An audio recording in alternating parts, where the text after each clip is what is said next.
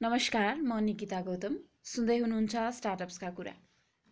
सन् two thousand फाइभमा फनिन्द्र साना जो बिआइटिएसमा इन्जिनियरिङ गरिरहेका थिए उनलाई चाहिँ दिपावलीमा घर जानु थियो। उनको घर चाहिँ हैदराबाद थियो र उनी बस्ने बेङ्गलोर बेङ्गलोरबाट हैदराबाद जानु थियो तर फेस्टिभलको टाइममा बस कतै पनि भेटिएन। त्यो बेला उनी बेङ्गलोरभरि घुमे तर बस कतै पनि पाएनन्। अन्टरप्रिनरसिपको बारेमा खासै उसलाई केही ज्ञान त थिएन। तर यसो डुली हेर्दाखेरि उहाँले के बुझ्यो भने ए यहाँ त ग्याप रहेछ communication gap among the travel entrepreneurs अनि बस अपरेटर्सहरू अनि प्यासेन्जर्सहरू हो त्यही ट्राभल ग्याप देखेर चाहिँ उनले गएर आफ्ना सँगै पढिरहेका साथीहरूसँग गएर सेयर गरे यो प्रब्लम चाहिँ। र त्यसको ठ्याक्कै एक वर्षपछि अगस्त टु थाउजन्ड सिक्सटिनमा चाहिँ उनी र उनका दुईजना साथीले चाहिँ एउटा कन्सेप्ट कन्सेप्ट लिएर आए एउटा भेन्चर लिएर आए जसको नाम चाहिँ रेड बस रहेको छ। हजुर रेड बस अहिले इन्डियामा वाइडली युज हुन्छ। स्पेसली यसले चाहिँ तपाईँको ट्राभल एक्सपिरियन्सलाई सजिलो बनाइरहेको हुन्छ।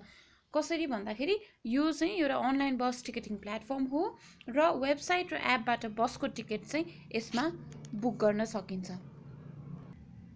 अहिले यो कम्पनीले two thousand five hundred bus अपरेटर्ससँग काम गरिरहेको छ। यो छोटो स्टोरी सुनाएर मैले तपाईँलाई भन्नु खोजेँ त तपाईँले बुझिहाल्नुभयो होला। आइडिया निकाल्ने भनेको प्रब्लमले नै हो। Where there is problem there is solution भनेर भनिन्छ नि। हो. नेपालमा पनि यस्तै थुप्रै समस्याहरू छन्। हामीले देखिरहेछौँ हामीले भोगिरहेछौँ। दिनका दिन हेर्दाखेरि हामीले कति समस्याहरू भोगिरहेछन्। ती समस्याको समाधान स्वरूप कतिवटा स्टार्टअप्स पनि आएका छन् र राम्रो सक्सेसफुल स्टार्टअप्सहरू चाहिँ तपाईँले देख्नुहुन्छ। उनीहरूले चाहिँ हाम्रो प्रब्लम नै सल्भ गरिरहेका छन्। डे बाई डे प्रब्लम जुन हामीले युजली कुरा गरिरहेको हुन्छौँ हामीलाई यस्तो यस्तो छ यो देश यस्तो उस्तो भनेर कुरा गरिरहेको हुन्छौँ र त्यसको सोल्युसन चाहिँ स्टार्टअप्सले नेपालका पनि थुप्रै स्टार्टअप्सले निकाल्न खोजिरहेका छन् निकालिरहेका छन्। हजुर रेड बस पनि यस्तै इक्जाम्पल रह्यो इन्डियामा र अहिले रेड बस चाहिँ एकदमै सजिलो माध्यम बनेको छ। धेरै इन्डियन्सहरूलाई चाहिँ इन्डियन प्यासेन्जर्सहरूलाई चाहिँ इभन कोही बाहिर हामी अब हामी पनि त्यहाँ ट्राभल गर्दाखेरि पनि रेड बसमा अनलाइन टिकटिङ गरेर ट्राभल गर्नलाई हामीलाई निकै नै सजिलो पर्छ। अब स्टार्टअप्स गर्नलाई मुख्य त के चाहियो भन्दाखेरि युजली हामीले के भन्दाखेरि फर्स्टमा हाम्रो आउने इन्स्टिङमा के आउँछ भन्दाखेरि आइडिया चाहियो। अनि कहिलेकाहीँ प्यासनले पनि अगाडि बढिन्छ।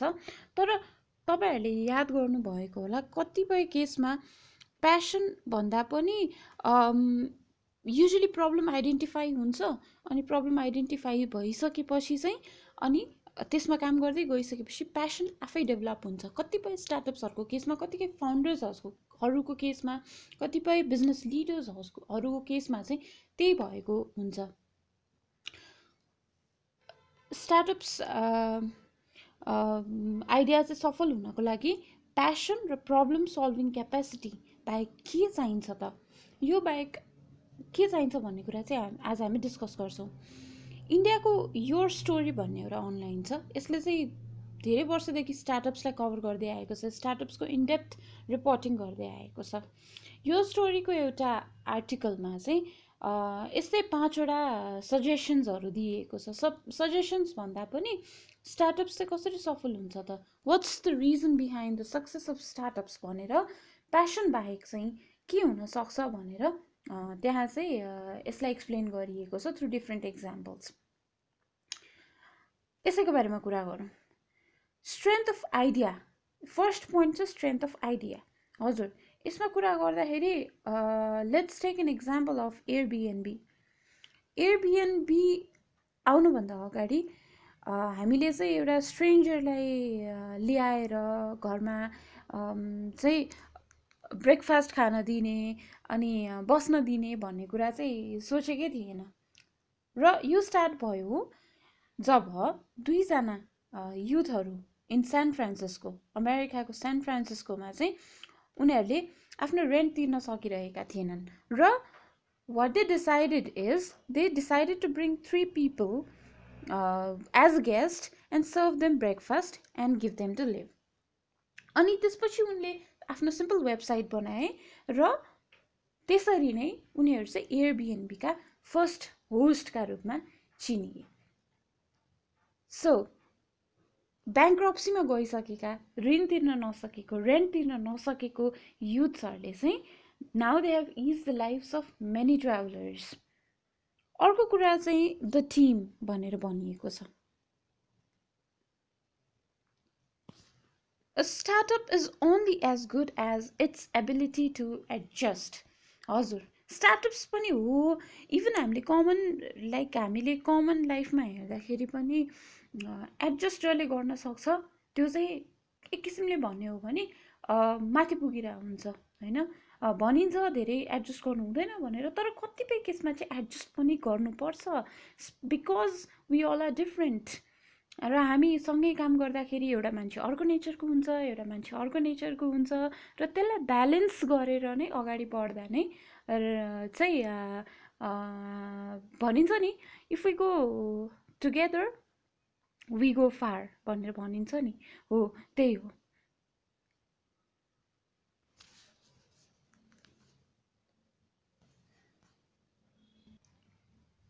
तर फेरि एडजस्ट गर्ने भन्दैमा फेरि जस्तो पनि टिम हुनुपर्छ भन्ने चाहिँ होइन।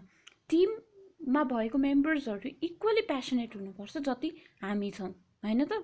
रिलायबल हुनु पऱ्यो ट्रस्टवर्दी हुनु पऱ्यो अनि एक्टिभ हुन पऱ्यो यो चाहिँ एकदमै जरुरी गुण हुन्छ टिम मेम्बर्सहरूमा हुनुपर्ने गुणमा स्टार्टअप्सको सक्सेसको लागि। किनभने at the end of the day customers नै हो जसले चाहिँ हामीलाई चाहिँ दाल भात खुवाउने हो। बिहान बेलुका दाल भात खुवाउने नै हामीलाई कस्टमर्स हो भने कस्टमर सेन्ट्रिक हुनको लागि चाहिँ पहिला चाहिँ इन्टरनल टिममा कोलाबोरेसन कोअपरेसन चाहिँ एकदमै जरुरी छ। जस्तै यसको इक्जाम्पल चाहिँ मैले उसको यहाँ आर्टिकलमा इक्जाम्पल पनि यो स्टिभ जब्सको दिएको छ एप्पलको दिएको छ। जस्तै स्टिभ जब्सको चाहिँ भिजन एकदमै स्ट्रङ थियो। उनले प्रडक्टमा खासै काम गर्दैन थिए पहिला तर उनको भिजन एकदम स्ट्रङ थियो। र उनका साथी मिल्ने साथी स्टिभ वजनियाक चाहिँ उनी चाहिँ हि हि प्रड्युस्ड एप्पल उनीले चाहिँ उनको चाहिँ मास्टरी थियो प्रडक्ट डिजाइनिङमा चाहिँ। एप्पल वान उनीहरूले डिजाइन गरे र दुईजना भएर टिममा चाहिँ they they made biggest technology company अर्को आयो बिजनेस मोडल स्टार्टअपले चाहिँ प्रफिटेबल हुनैपर्छ इन्भेस्टर्सलाई एट्र्याक्ट हुनको लागि। मतलब के भन्दाखेरि स्टार्टअपको केही न केही रेभेन्यू मोडल चाहिँ हुनैपर्छ एउटा फिजिबल रेभेन्यू मोडल चाहिँ हुनपर्छ।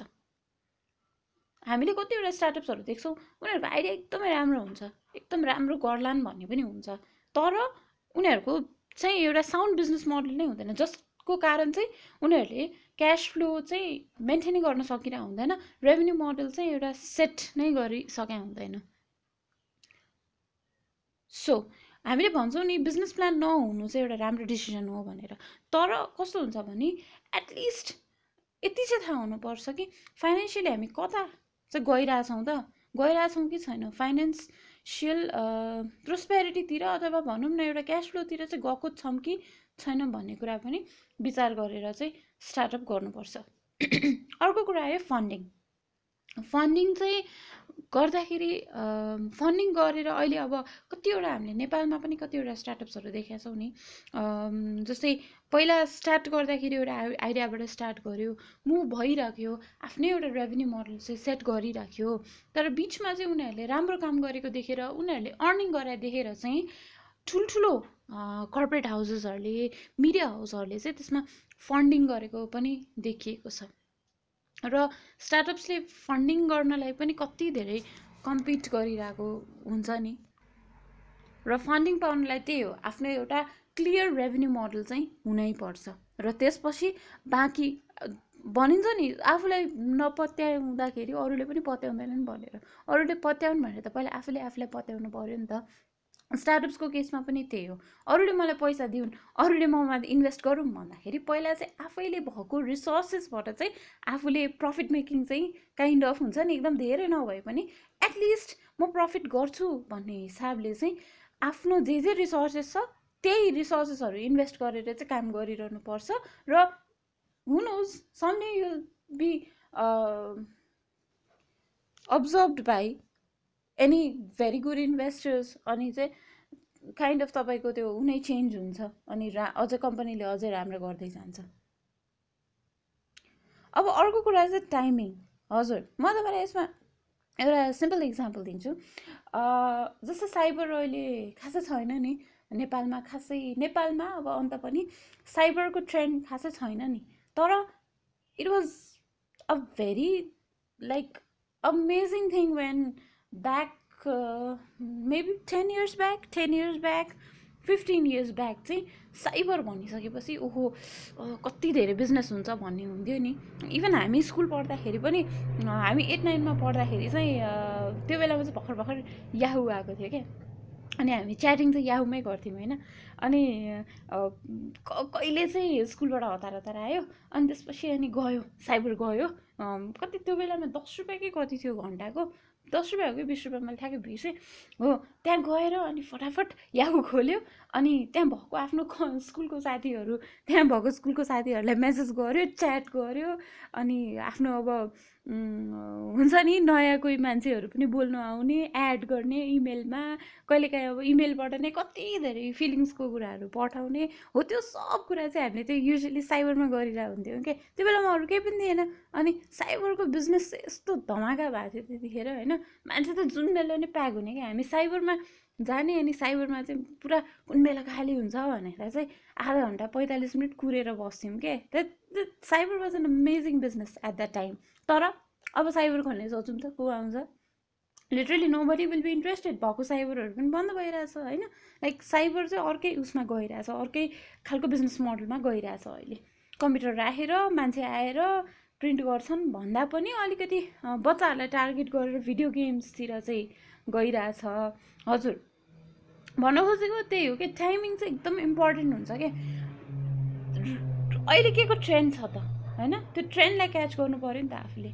अनि त्यसपछि मात्र हुन्छ। अब पहिला गइसकेको ट्रेन्ड गइसक्यो हो कि बाँकी छ कि यो चल्छ कि अब यो कति वर्ष चल्छ भनेर स्टडी गरेर टाइमिङको अनुसार चाहिँ स्टार्टअप्स गर्दा एकदमै राम्रो हुन्छ। र टाइमिङलाई फेरि होइन केही रिसर्च नगरिकन यत्तिकै डामडुम खोलिदियो भने डामडुम खासै चल्दा पनि चल्दैन बन्द हुन्छ। हजुर आजको लागि मैले यति नै कुरा गरेँ। लास्ट एपिसोडमा मैले तपाईँलाई किङ्स कलेजका प्रेसिडेन्टसँग कुरा गर्छु भनेर भनेको थिएँ। नरोत्तम सर नरोत्तम अर्याल सरसँग कुरा गर्छु भनेर भनेको थिएँ। तर केही कारणवश उहाँ चाहिँ अहिले ट्राभल गरिराख्नु भएको रहेछ। त्यस कारण उहाँसँग कुरा गर्न पाइनँ। उहाँसँग हामी अरू एपिसोडमा कुरा गर्छौँ। पक्कै पनि गफ गर्नेछौँ अन्टरप्रिनरसिप सिनारियोको बारेमा। प्लस स्टुडेन्ट्स हुँदाखेरि आइडिया कसरी जेनेरेट गर्ने भनेर चाहिँ हामी उहाँसँग कुरा गर्नु गर्नेछौँ। सुनिदिनु भयो धन्यवाद। केही भन्न मन छ भने इमेल गर्नुहोस् स्टार्टअप्सका कुरा at the rate Gmail dot कममा S T A R T U P S K A A K U R A at the rate Gmail dot com हजुर thank you so much again for listening see you in next episode till then keep exploring keep googling keep researching take care